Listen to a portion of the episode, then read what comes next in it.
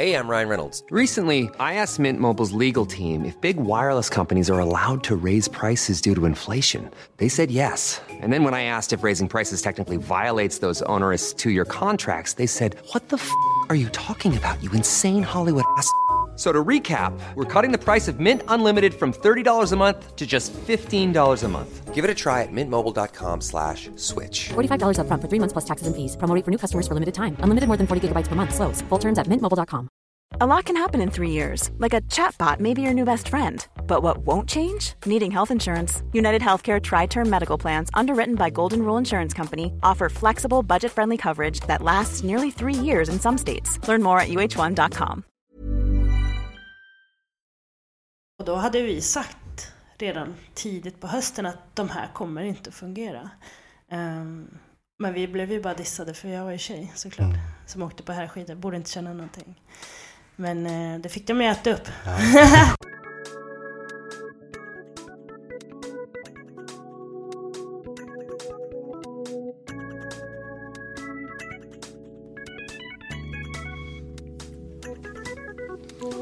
Hej och välkomna till Freeride-podden, din blåbärssoppa i vinterkylan. Hoppas allt är bra, det här är Filip Claesson som pratar och idag har jag det stora, stora nöjet att presentera ett avsnitt med en av våra största alpina stjärnor genom tiderna, Anja Persson. Vi blev förstås superglada när vi fick höra att Anja ville vara med på en intervju och eh, det var bara att boka ett flyg och dra upp till Umeå. Så här kommer det, inspelat på ett motorvägshotell utanför Umeå i mitten av oktober. Freeride-podden med Anja Persson. Hallå, hallå. Tack för att eh, du kom hit och för att du ville vara med. Ja men tack, det känns uppiggande den här morgonen. Ja, vad skönt. Eh, Hur är läget annars? Eh, men det är bra. Vi ehm, har lite sådär landat ifrån den här veckan. Vi har haft rätt mycket att göra och sen så bokade vi en ehm, konsert för jättelänge sedan. Och den var precis dagen efter allt vårt jobb. Så att ehm, eh, jag känner mig lite groggy efter gårdagen. Så det var konsert igår alltså? ja, vi var nere i Övik och såg Kent eh, spela. Och det var fantastiskt. Så att, eh, men det blev lite sent när vi kom hem. Men eh, vad kul, var det bra? Det var jätte, jättebra och eh, jag ska faktiskt, eller vi ska gå ner och se sista i, i Stockholm också. Så att eh, det känns bra att ha liksom gjort första i Övik och det var lite svårflörtad publik och jag Okej. var lite förvånad över hur gammal publik det var också. Det var en hög medelålder tror jag. Ehm, så det var många som tror jag gick på konsert för att gå men kanske inte lyssnade på Kent normalt. För de var inte lika exalterade som vi när vissa låtar kom. Men det var bra att ni har värmt upp lite nu inför Ja, sista. gud, nu längtar man till december. Jag förstår. Ska ni gå på sista, Mm. sista? Sista, sista. Coolt alltså. Ja, det var kul. Vi gick på Refused när de gjorde sin sista här i Umeå. Nu blev ju inte det den sista, men eh, det var också en sån här magisk spelning. Så att jag kanske inte lyssnar så mycket på all musik så, men livekonserter är alltid fantastiskt och mycket känslor. Och, Vad brukar du lyssna på för musik när du åker skidor? Ehm, ja, men vi, vi hade alltid någon tradition. Vi hade i alla fall i Lake Louise, vet jag, när vi åkte störtlopp där. Det är första störtloppet på säsongen. Så, så gjorde vi alltid någon sån här blandning av eh, en lista liksom som vi hade. Och vi, det var framförallt... Eh, jag kommer inte ihåg, men det, det var en låt som vi, vi alltid körde liksom på repeat eh, till backen. Det blev tradition år efter år och vi bara flippade ut varje gång när vi körde den. Eh, men eh, så att det är alltid från att det har varit Rammstein till världens poppigaste, nördigaste, liksom, vad hette de där, de här som körde Barbie Girl. Ja, just det. Nej men eh, det berodde på, men ibland var man liksom för nervös. På sista tiden så var jag ganska nervös i själva bilfärd och sådär. Så då, då, då ville jag ha ganska lugn och ro runt omkring mig. Eh, och jag hade inte musik i lurar liksom, när man besiktade och, och sådär. Eh, många använder sig mycket av musik. Jag hade lite svårt att ta in de bitarna och jag kunde liksom inte ha lugn musik för då blev jag kanske för. Så att, eh, jag, jag hade svårt att styra det för mig själv. Men annars så... Jag kan uppskatta egentligen all sorts musik. Jag, nu, just nu är jag inne i en fransk jazzperiod. Eh, som jag verkligen bara älskar. Men, eh, och, eh, så, men som mest till vardags hemma så är det ju typ en krokodil i bilen eller vad det är med, Mm, med barnen. Hur är det? Det är här i Umeå som, som din vardag utspelar sig. Eh, nej men min familj, min fru så har ju sitt liv här uppe och eh, jag var ganska enkel att flytta på. Och sen hade hon en dotter sedan tidigare som, som bor här också. Så att, eh, men eh, Tärna, eh, Tärnaby så, så flyttar många oftast till Umeå först. Om de inte flyger iväg något mer. Så att det är väldigt mycket eh, gamla kompisar från skolan och så, som bor här. Mycket Tärnaby-folk som bor här i Umeå. Min syster bor här också. Jag har kanske inte riktigt hittat hem till den här staden än. Men jag jobbar på det. Om en förälder på dagis skulle fråga vad jobbar du med? Vad svarar du då? Ja, jag vet inte. Ja, ofta så säger jag vet inte. Eh, jag jobbar med allt möjligt. Eh, vi, jag tror till och med mina föräldrar undrar vad jag jobbar med. Så det är ganska diffust, men jag jobbar mycket på förfrågning.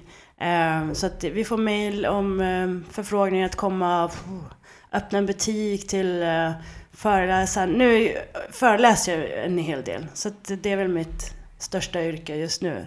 Men annars kan det vara, i förrgår så gjorde vi reklaminspelning i en butik här i stan. Till att nästa vecka så ska vi åka ner, då ska min fru ha eh, en reklaminspelning med att göra eh, smörgåsar. och då har jag barnen och sen ska jag föreläsa på kvällen. Så det, sen ska vi till Malmö och vi har ett samarbete där. Och så, så, så att både samarbeten, förfrågningar, så att det, alla dagar ser jätteolika ut. Ehm, men eh, jag försöker, just nu så försöker jag jobba lite grann men också vara väldigt mycket med familjen. Och, ehm, man har perioder i livet tror jag när man har chansen att kanske inte jobba lika mycket. och Så. Och Det, där är jag nu. Eh, kanske inte min fru, men jag är där. Så jag försöker vara mycket med barnen också. Vad heter din föreläsning?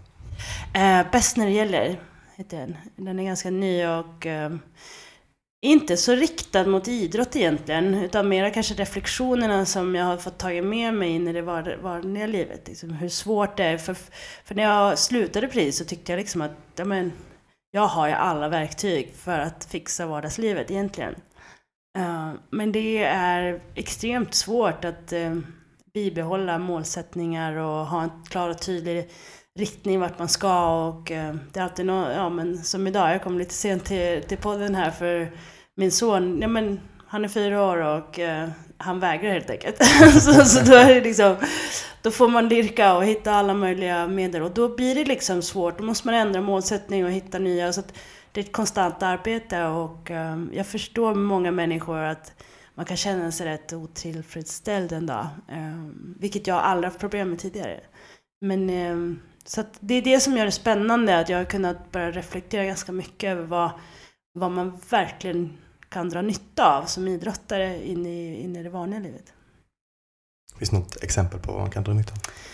Ja, men just det där liksom att eh, inom idrott så är du ju ganska duktig på att ta misslyckanden och motgångar ehm, och hantera dem och inte slå ner på sig själv ganska mycket utan tänka att man får ta igen det imorgon och sådär. Och jag tror att eh, vi, vi svenskar är nog ganska duktiga på att lägga oss på kvällarna och tänka att ja, men jag misslyckades med det, jag gjorde inte det. Alltså man rabblar upp ganska mycket negativa saker på den dagen. Um, och det jag försöker liksom kategorisera dem och säga okej, jag har inte lyckats med det här, men sen så avslutar jag alltid dagen med att vad gjorde jag bra? För det gjorde jag alltid inom idrotten, att även fast jag hade en massa motgångar så försökte jag plocka de bra sakerna för att gå vidare och lära mig utav mina misstag på ett mycket positivare sätt.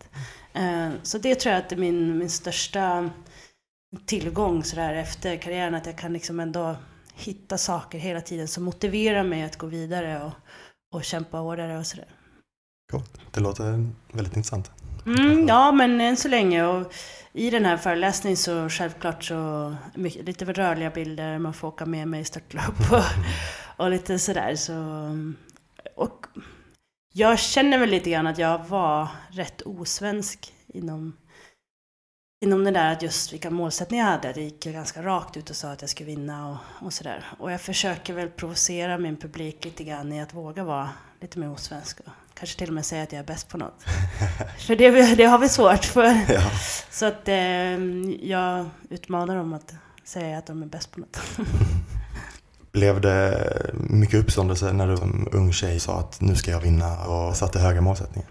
Ja, det var det ju. Eh, framförallt journalisterna gick ju nästan och de här äldre journalisterna som hade mycket erfarenhet tyckte de då, så, så gick de och förklarade för mig att sådär säger man inte och gör man inte. Och, framförallt, och sen så har vi lite grann en stereotypisk eh, idrottare i Sverige, på, på tjejsidan i alla fall.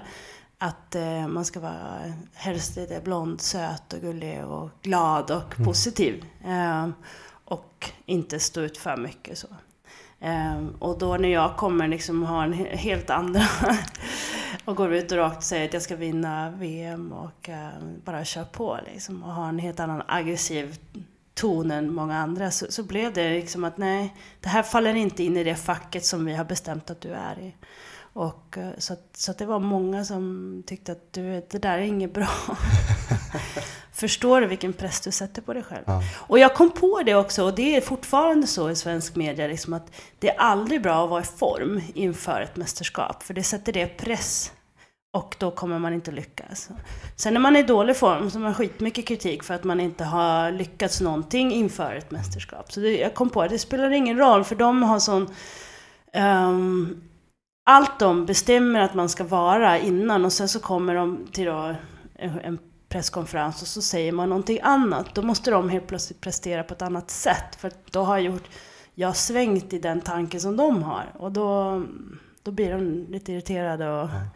hamnar i en stund där de måste prestera kanske mer. Så att eh, jag insåg ganska snabbt att journalisterna eh, vill ju ha det på sitt sätt. Mm. Och när jag kom in och inte är så, då blev det jobbigt för mig. jag förstår. Jag hörde i någon annan intervju, det var med det var han, han heter Henrik Fexeus. Ja, just det. Då sa han att han tyckte att det kändes som att journalister ofta målade upp en bild och sen kom de och intervjuade och ville egentligen bara bekräfta den bilden. Är det något du känner igen det. vid? Absolut, ja, och det finns några journalister som är extremt skickliga på det. Eh, framförallt kvällstidningarna. Det är ju de, de har ju det i system att man ska i stort sett bara säga ja eller nej på frågorna. Och när man säger ja, då har det i stort sett bekräftat hela deras intervju, så de har redan har skrivit nästan. Och så att, eh, jag lärde mig ganska snabbt att aldrig svara ja eller nej på frågor. Utan antingen så tog jag om frågan och styrde intervjun själv och berättade det jag ville berätta. Så att, eh, och jag har varit expert på att prata i fem minuter om ingenting. så när jag gick därifrån då funderade de, vad, vad sa hon egentligen? Eh, så, så det blev jag också. Jag bara kunde svamla på. Och så, så jag hamnade på ett annat spår och så ja, hamnade där jag ville. Eller så, så sa jag helt enkelt, funderade själv bara, gud vad har jag pratat om? Det? Ingenting. Liksom. det är ju nu när vi spelar in den 14 oktober. Eh, mm. Det börjar bli lite kyligt ute. Häromdagen så var det några som la upp på Freeride att de åkte första svängarna på Åreskutan. Ah, härligt. Ja. Vilka känslor växer i dig den här tiden på året? Ja, det är ju ungefär eh, lite drygt en vecka kvar till, eh, till premiären i Sölden. Så självklart eh, kan inte låta bli när jag, innan jag ska åka hit så tittar jag på väderleken såklart. för att se om Tärnaby och de där kan börja spruta. Och mm. Vi kommer, jag har lite lätt panik för nu ska det bli varmare igen. Eh, och den här perioden är ju som värst för alla liksom, elitidrottare som håller på med skidåkning. Eh, nu vill vi ha snö upp i Skandinavien så fort som möjligt. För eh, nu har man legat i Mellaneuropa på glaciärer och är jätteless på det. Mm. och vill komma upp och ja, men, äta svensk frukost och ha den här mörk, mörkret och eh, strålkastarljuset och snökanons eh, liksom, kylan i kroppen. Ehm, så att eh, det påverkar mig jättemycket. Vissa perioder, augusti påverkar mig, då vet jag att alla ska ut, börja åka. Och, så då känns det som, då har jag som en... Jag, jag, tänker på det i alla fall. Och jag kan längta att åka skidor. Jag kan längta till de där första veckorna. Det är som en känslan när man inte har träffat varandra i laget på ett tag och sen ska man börja åka. Och man har ont som fan i fötterna. Och, men det finns någon liten tjusning i det där. Och sen eh, finns det nog ingen som inte har varit liksom, världscupåkare i Sverige som inte kan uppskatta just den här tiden när man får komma upp till Sverige igen i november och träna och, och tävla i, i Finland, i Levi och sådär. För det, det, är någonting med det här, vi har alla växt upp med mörkret, med strålkastarljusen och snökanonerna. Och, och det, det blir väl en hemkänsla på något vis, att man, man kommer tillbaka till när man var yngre och sådär. Så, så det har jag liksom i kroppen. Nu kommer det inte att komma snö och vara vinter kanske här förrän i december, men, men eh, jag skulle jättegärna börja åka skidor nu. Mm. Hur mycket skidor åker du på om vintern? Alldeles för lite. Um, nu blir det väldigt mycket med barnen och så. Och, um, äldsta dottern, Filippas dotter, hon har precis två år nu börjat åka lite med en sån klubb och tävlade lite grann. Så, men i år då går hon upp på U12 och um, då blir det lite lite mer allvar i det, för nu ska hon åka långkäpp. Och jag kan ändå längta till kvällsträningarna och så. Ehm, jag är ingen tränare, utan jag hänger bara på bakom som en entusiastisk förälder och försöker gömma att det är jag. Ehm, så jag älskar träningen så, men jag, när hon är på tävling så uppskattar jag det lite mindre. Jag tycker liksom då kanske inte jag har en så bra relation till skidåkning så. För att hon måste ju lära sig, och de ska ju ha den här glädjen och göra alla de här roliga sakerna när de är yngre. Och uh, min kunskap kring tävling och vad jag har gjort, um, den ska ju inte alls hon uppleva just nu. Så att, uh, när hon blir 14-15, skulle hon åka då, då kanske jag kommer lite mer till mitt rätta. Uh, men blir det här, kan det bli någon press? Så här, ja, det är Anjas dotter. Jag tror än så länge att hon inte känner det, utan mer en stolthet och tycker att det är lite coolt. Um, hennes kompisar tycker det är coolt. Men hon, alltså, hon har vuxit upp, hon har ändå varit med på världscupen uh, mycket. Hon var ju som vår lilla maskot som sprang runt när hon var liten. Så, så hon är väldigt vankända människor också. Så hon, eh, hon fattar ju inte vad, vad, vad grejen kan vara liksom över kända människor när de ska ha autografer och bilder. Och, utan hon har ju vant sig vid att det är personer. Och, så att um, på så sätt så kan hon nog ibland bli irriterad att det blir lite för mycket sådär ja. runt omkring. Um, från en sak till en annan, uh, lite nyfiken. Om du behöver ett par nya skidor, uh, behöver du köpa dem då eller har du något telefonsamtal som du... jag köper inte skidor. Eh, bra du påminner mig, för jag måste, eh, nu kommer snart lagen upp till eh, Skandinavien, så jag måste beställa vinterns grejer. Just. Nej, men det blir lite så, um, man är ju en familj och um, det märket som, som jag åkte sist på är man ju som lojal med. Och mm. De vill ju lika mycket att jag ska åka på deras grejer. Så. Men jag har, jag har svårt att ringa ner och, och be om ja. grejer. Men um, Samtidigt så vet jag att de vill ju att jag ska åka på deras grejer. Så ja. Då får man som ringa ner. Ja, schysst. Händer det att du åker skidor på annat sätt än alpint? Alltså, händer det att du åker ut, ut och uh, kör lite puder? Typ?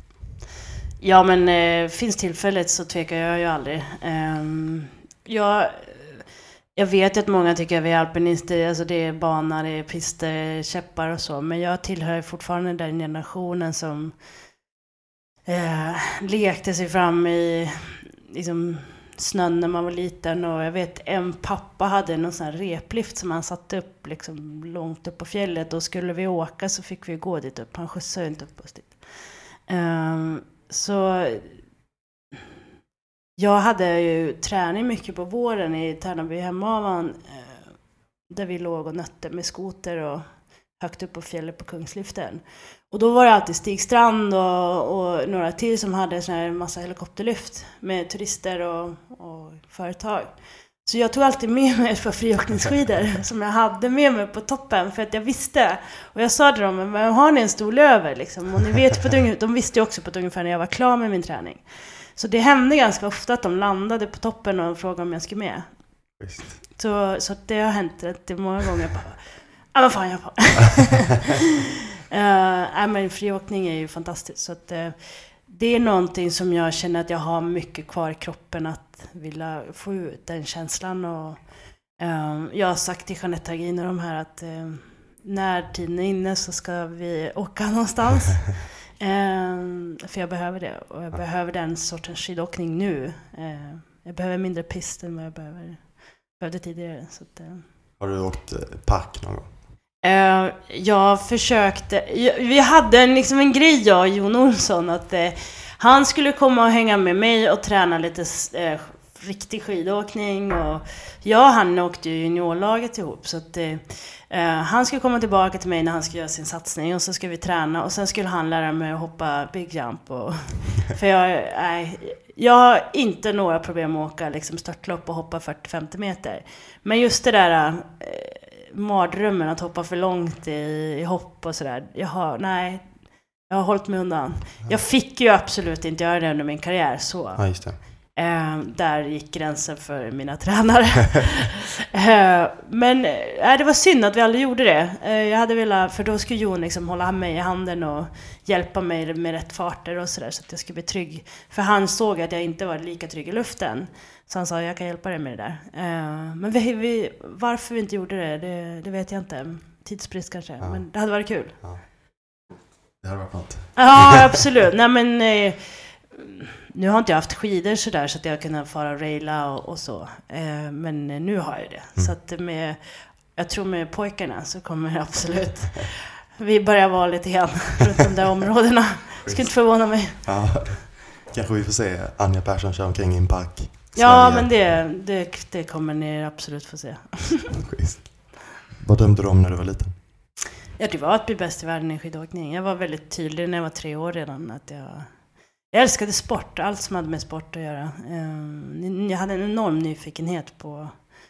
Jag ser nu min yngsta som är ett år och fyra månader. Nu har han börjat liksom förstå hur man kastar en boll. Så det är det enda han gör nu.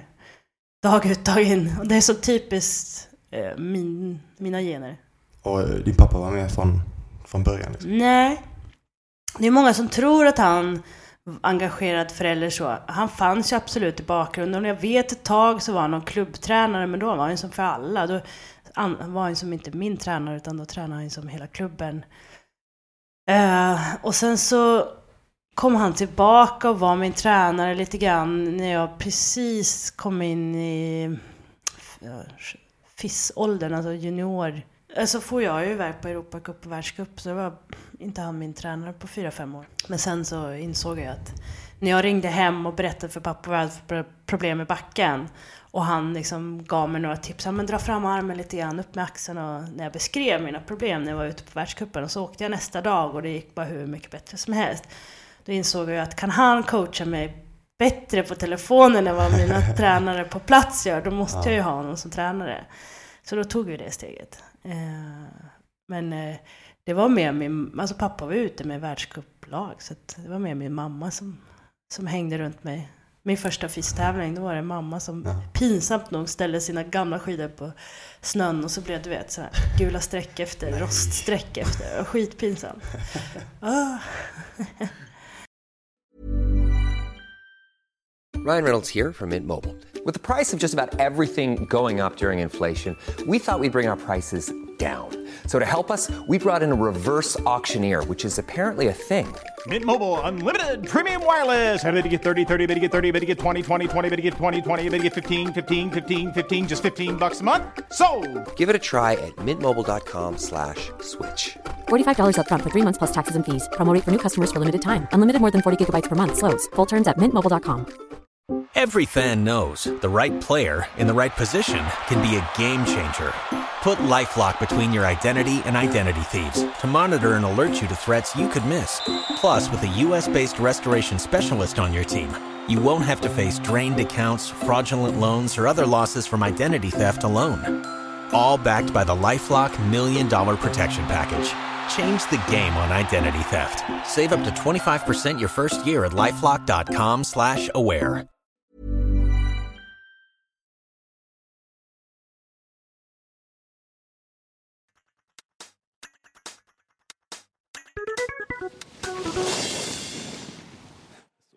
Så titta upp och här ser vi nu Anja Persson redo. Hon har alltså nästan en sekund, 95 hundradelar att gå på gentemot Julia Mancoso. Och så. Oj, så viktigt att hon kommer igång.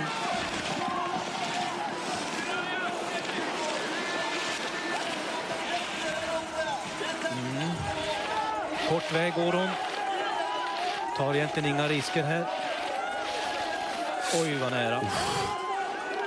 Det var en obehaglig långsväng. Ja, det var den. Men de kom igenom den. Ja. Och hon har tappat lite, men har fortfarande ett bra försprång. 88 hundradelar. Ingen mer miss nu så klarar hon det här. Ja, det ser stabilt ut, det gör det. Fram mot kanten, in i branten. Nu ska vi se. Bra än så länge. Håller linje. Ganska försiktig. Nu måste hon gasa. Ut på flacken sista biten. Kan hon klara det? Kan hon ta guldet? Här kommer Anja Persson in på guld! Oj! 1.57,69. Anja Persson tar guld idag igen. Andra VM-guldet för Anja Persson. Det att lyssna på det? ja, först funderade jag på, gud, Julia Mancuso, när var hon? när stod hon och ledde över mig där? Eh, ja, nej, det där är ju fantastiska minnen och eh, galna två veckor. Kan du berätta för lyssnarna vilket åk det var? Det där var slalomen i kombinationen på VM 2007 i Åre. Var det. Sluta med guld. Ja. Ja, det var, jag kommer ihåg, jag var väldigt nervös uh, inför slalomåket där. Mycket, mycket kan hända i en slalom. Mm. så att, och jag hade väl, tror jag hade lite, du vet ibland är det så här, lite för lite marginal men lite för mycket marginal. Det var för mycket marginal på det sättet att det var väldigt lätt att förlora dem. Uh, lika mycket som jag hade mycket material, marginal att jag kunde ta det lite lugnt. Men det där är svårt att köra lugnt när man åker slalom.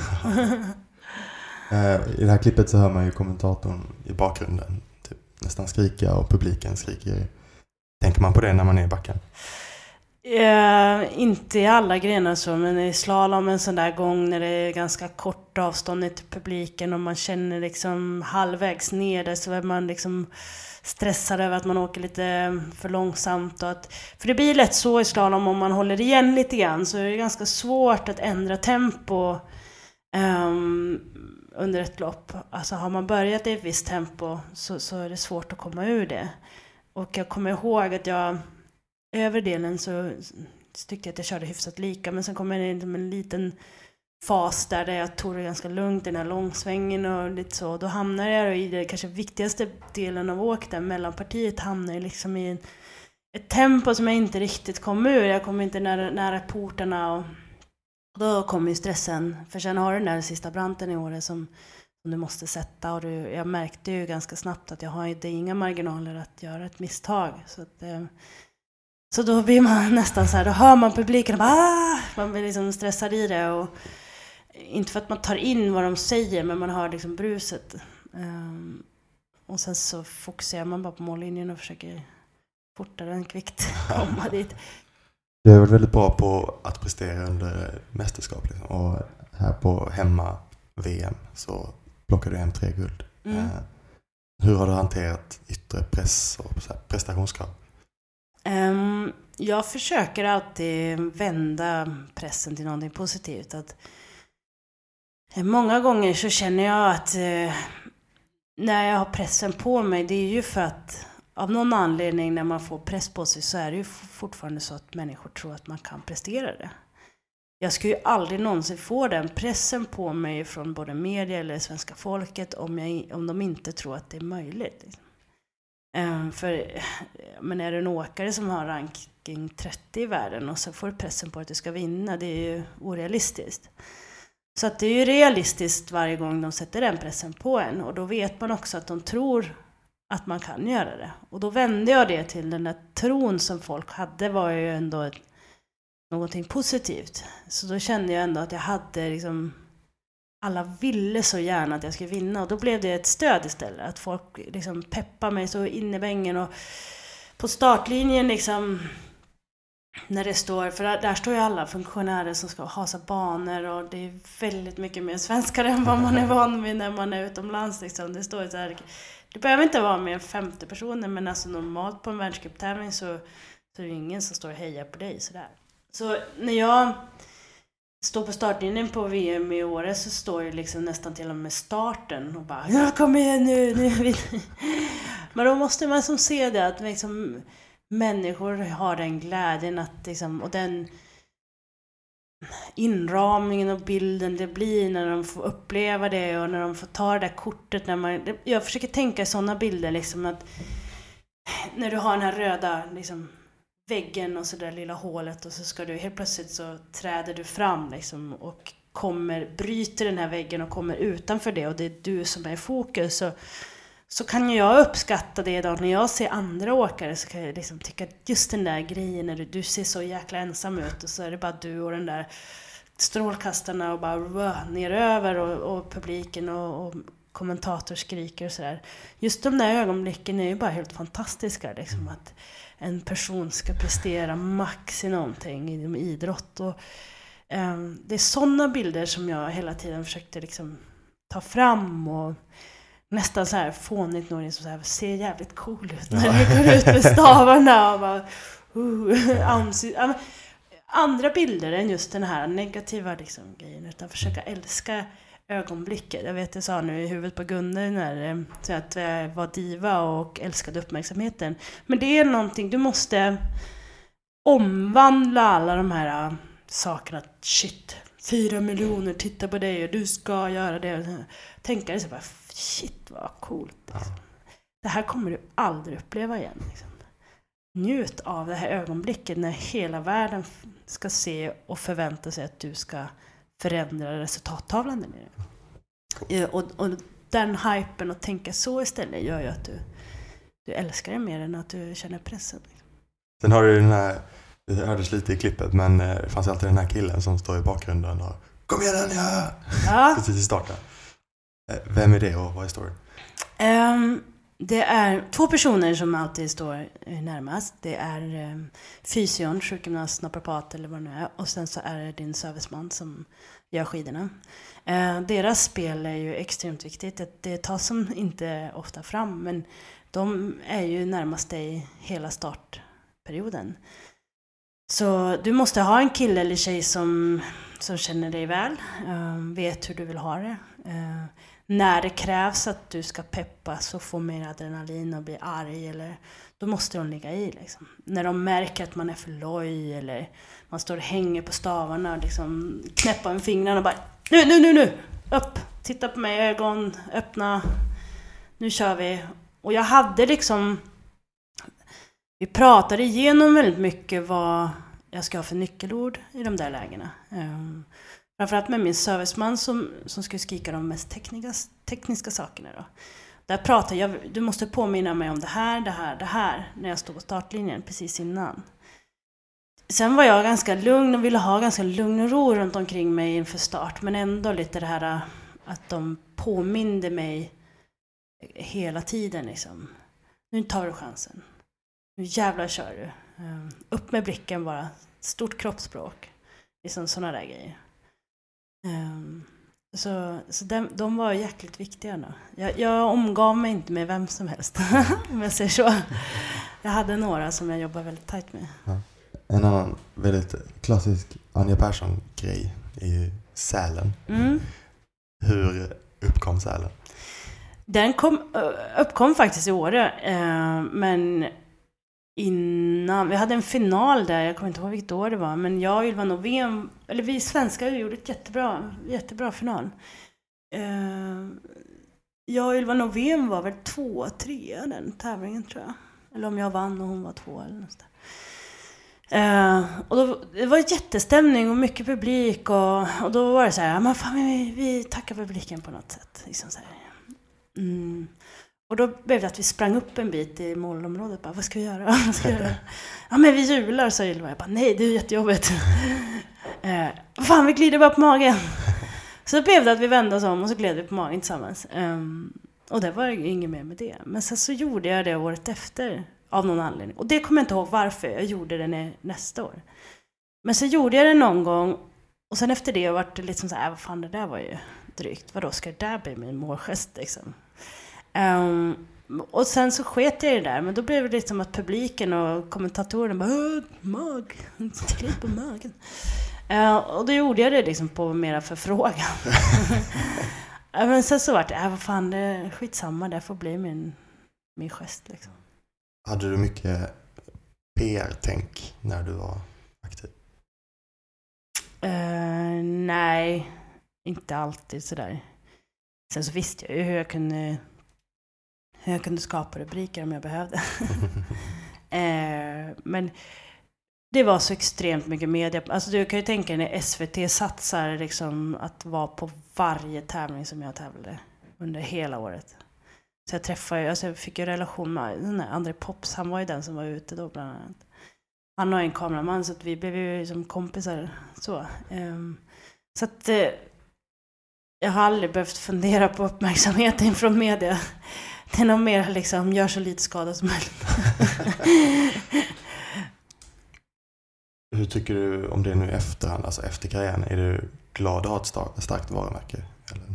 Jag är enormt stolt över mig själv när jag var yngre i alla fall. Att jag tog eh, bra och viktiga beslut som jag märker att jag idag eh, kan dra nytta av. Eh, jag byggde mitt... Alltså jag kanske inte var den som syntes på varje filpaket och, och sådär. om man tänker efter och tittar på min sponsorkarriär och eh, hur jag hanterade alla de där grejerna så har jag exponerat mig väldigt lite. Eh, jag har gjort väldigt mycket som inte exponeras. Eh, och jag har också kanske inte tagit de där vägarna bara för att tjäna mycket pengar utan jag har känt att det är jätteviktigt att jag står för det jag gör. Och det finns enorma kontrakt som jag har tackat nej till bara för att jag känner liksom att jag står inte för din produkt. Uh, jättetrevligt att ni kom hit och erbjöd mig något sånt fantastiskt men, men jag kan inte gå och se, till, se i barns ögon och säga att liksom, köp det här. Mm. Och då funkar det inte för mig. Um, uh, en sån idrottskarriär som du har haft, det innebär ju massor med adrenalin och det är så ständig träning, tävlingar, resor. Bara, eh, saknar man de där kickarna i efterhand? Jag eh, gjorde ett väldigt bra förarbete tills jag slutade. Jag tror jag höll på att sluta i två års tid. Så efter Vancouver 2010 så, så åkte jag ju två säsonger till. Men jag steg för steg började liksom mata ut mig själv ur den där bubblan. Um, så att jag, när jag slutade så bestämde jag mig ganska snabbt att jag ska inte prestera något mer. Och eh, det var också en skön känsla. Lika mycket som man saknade vissa bitar så, så tillät jag mig inte själv heller att jag försökte liksom, ja men nu har jag stängt den boken, jag accepterade det. Sen så hjälpte det väldigt mycket, med så herregud man får ju lika mycket kickar av att, mm, att få ett litet barn. Det hände ju någon månad efter jag slutade så att, ehm, att vardagslivet gav mig så enormt mycket kickar så, att det, så det räckte. Men sen finns det ju alltid en, en saknad även idag liksom när jag känner att eh, bara få vara sån där jäkla maskin igen som hela kroppen är bara i fullt perfekt svarvad och liksom redo för att, för att prestera. Så, så det kan jag sakna, absolut. Men eh, de här kickarna jag tror vi alla, jag vet Karina Klyft, fråga, jag frågade henne också vad det första du kände när du slutade. Liksom, det var så skönt att slippa prestera. Man vaknar på morgonen och att inte behöva jaga, jaga, jaga för att bli bäst i världen hela tiden. Och, och den känslan är enormt skönt att ha släppt. För att jag tror att få, om man inte har varit på den absolut högsta nivån så tror jag att det är väldigt svårt att förstå det mentala liksom, eh, Eh, höjden du måste vara på hela tiden. Och när du vaknar, alltså varenda minut du är medvetande så, så har du någonstans i bakhuvudet liksom en inre stress hela tiden. Att prestera, att vara bättre än alla andra, att jobba hårdare. Liksom att du vet hela tiden att, och, och den där klockan går inte 24 timmar utan den där går liksom snabbare än någon annan och den där jagar man hela tiden och man känner hela tiden sig orolig att man har gjort för lite och, och så. Och den känslan att slippa ha det där i huvudet, eh, den är enormt skön. Ehm, att man, jag har ett helt annat lugn. Liksom, missar jag att träna idag så gör det ingenting. Utan då är det bara mitt samvete att jag var lat eller någonting jag ska bearbeta tal om det här med det mentala. Eh, jag följer dig på Instagram och du la upp för ett tag sedan att du hade träffat Kjell Enhage mm. som är en mental tränare som är väldigt inriktad på eh, idrottsproffs. Mm. Eh, och du sa att du, det enda du ångrar var att du inte hade jobbat med honom när du åkte. Ja, ja. precis. Hur, eh, hur jobbade du med den mentala biten medan du åkte? Um, jag tror egentligen, alltså jag jobbade jättemycket själv. Men jag tror att min mentala coach var min pappa. Han är extremt duktig på den mentala biten. eh, som guidade mig väldigt bra. Lika mycket som jag själv jobbade väldigt mycket med mig själv. Um, var det lite så här, kan bäst själv eller klarar det Absolut. Själv? Absolut. Eh, jag ville inte att någon skulle komma in och rota. Eh, jag var, hade väl en rädsla att någon som skulle förstöra något. För jag visste ju att jag hade någonting bra. Jag hade ju, jag hade gjort det flera gånger. Eh, men när jag efter 2007, 2008 där, så 2009 hade jag ju mitt sämsta mästerskap, jag tog in medalj.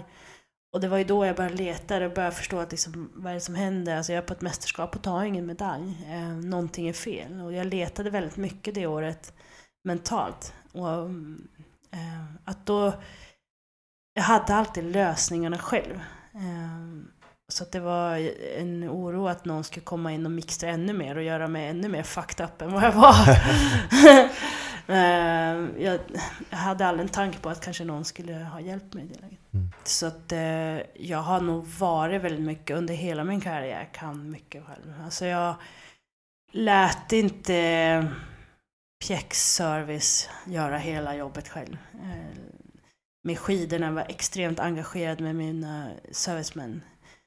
Det var inte förrän de sista, absolut sista åren som jag kände att de här servicemännen som jag hade runt om mig då, de förstod mitt, eh, min utveckling och kunde liksom göra mycket av jobbet och kanske guida mig mer. Um, men då hade jag ändå kommit upp på en så pass hög nivå att jag, jag behövde inte bevisa så jävla mycket för dem längre. För, för det, I början av karriären, som tjej, att komma in och säga att ja, men jag kan material, jag vet vad jag ska åka på, jag känner det här, de här plattorna funkar inte, bla bla bla. Du vet, de de skakar bara på huvudet. Att du... För det är väldigt ovanligt att tjejerna just är engagerade materialmässigt. Killarna är väldigt mycket mer. Eh, sen har det blivit, tjejerna har mer och mer förstått att de måste vara mer engagerade och förstå mer sitt material. Men jag var väldigt tidig med det där. Ehm, men det hände, jag blev ju ifrågasatt väldigt många gånger liksom. Ja, men du kan inte känna 0,3 mm. Jo, men alltså det är någon skillnad och sådär. Um, och sen många gånger på slutet så tävlade jag också mycket på herrskidor i, i fart. Och där kunde jag också döma ut vissa saker, alltså på tester och så bara nej, de där kommer aldrig funka. Och då kunde det vara grabbar, alltså sådana som Didier Kysch och sådana som bara ja, det här är Guds gåva typ. Men sen efter halva säsongen så funkade inte de skidorna och grabbarna var i panik för att de hade satsat hårt på dem, det, den modellen liksom. Ehm, och då hade vi sagt redan tidigt på hösten att de här kommer inte att fungera. Um, men vi blev ju bara dissade för jag var ju tjej såklart. Mm. Som åkte på herrskidor, borde inte känna någonting. Men eh, det fick de ju äta upp. Ja, ja, det var faktiskt en sån där, det är något som jag tar med mig, en sån triumf när man liksom hade rätt emot alla servicekillar och alla skidkillarna. Att liksom jag som tjej kom in och sa, dömde ut dem där tidigt och eh, sen fick de äta upp det. Det var nice. Du har ju, att, eftersom karriären gått, blivit Anja med hela svenska folket och du har väl uppnått det som man brukar kalla för att vara folkkär. Uh, hur är det att vara folkkär? um, ja, jag, jag, jag, vet inte. Alltså, någonstans så är det ju en trygghet på något vis att man har skapat en så pass grund att stå på, att man blir igenkänd, att man har hela tiden eh, ett attraktivt värde för människor att eh, göra saker. Att jag kan fortsätta påverka människor inom vissa saker eller att jag som person kan ge någonting tillbaka. Och, eh, saker vi gör. Jag menar om jag går in på Instagram och sen lägger upp en bild eller skriver en liten text om Ja men det behöver bara vara att jag kanske misslyckades med en löprunda men går hem och gör några andra övningar och bara skriver några mentala grejer i att hur man ändå kan vända på det och göra någonting positivt och så. Och sen så får man liksom hundra kommentarer på det där ska jag ta med mig idag och vad fantastiskt och det där gjorde min morgon och lite sådär. Att de ser att man, jag också misslyckas och att man eh, försöker hitta positiva saker och kanske visa lite guidning för hur man kan göra sådär. Och, och upptäcka då att man har en, en enorm påverkan på människor. Att man just är folkkär på det sättet att människor lyssnar på en gör att liksom, man blir både stolt och rörd och allting på samma gång. Och, eh, Alltså det är en häftig känsla. Sen den kändisbiten när man stod liksom i kön på konserten igår och ögonen höjs och man blir liksom uttittad och smygfilmad och allt vad det är. Den sidan tror jag har svårt att vänja mig med. Sådär. Jag har lite svårt att ibland att eh, vara känd konstant och inte så privat. Um, jag tänkte avsluta med att fråga lite um, hur ser framtiden ut? Var, uh, var ser du dig själv om fem år? Jag ser mig själv om fem år ha mycket mer strukturerat liv. eh, kanske fortsätter föreläser och eh, hittat en trygghet i det där jag kan eh, känner att jag eh, ger mer tillbaka från mig själv till andra än vad jag gör idag. Eh, jag känner att jag har mycket att ge men eh, jag kanske inte får ut det jämt. Och sen så om fem år, gud, mer vuxentid. Barnen klarar sig själva mer. Vi är så inne i den här småbarnsbubblan just nu där det är total kaos hemma. Alla stora ligger på golvet för att vår minsta klättrar på allt. Han har till och med, han drar ner ugnsluckan och uh, klättrar upp till spisen. Så det är det första jag måste göra idag, det är att säkra ugnen för han är helt galen den ungen. Men uh, jag ser fram emot min vuxentid också. um, om vi avslutar med sista frågan. Vad ser du mest fram emot i vinter? Jag ser mest fram Every fan knows the right player in the right position can be a game changer. Put LifeLock between your identity and identity thieves to monitor and alert you to threats you could miss. Plus, with a US-based restoration specialist on your team, you won't have to face drained accounts, fraudulent loans, or other losses from identity theft alone. All backed by the LifeLock Million Dollar Protection Package. Change the game on identity theft. Save up to 25% your first year at lifelock.com slash aware. emot i vinter mycket snö och så ser jag fram emot eh, fler dagar med, med familjen i skidbacken. Eh, ser fram emot att se vad våran ettåring tänker hitta på. Coolt. Uh, ja, tack så jättemycket för att du ville vara med på uh, intervjun. Ja, tack själv. Ja, det var jättekul. Um, ja, tack. Tack för att ni lyssnade på Freeride-podden med Anja Persson. Lyssna nästa vecka för ett spännande avsnitt. Ha det bra så länge. Hej!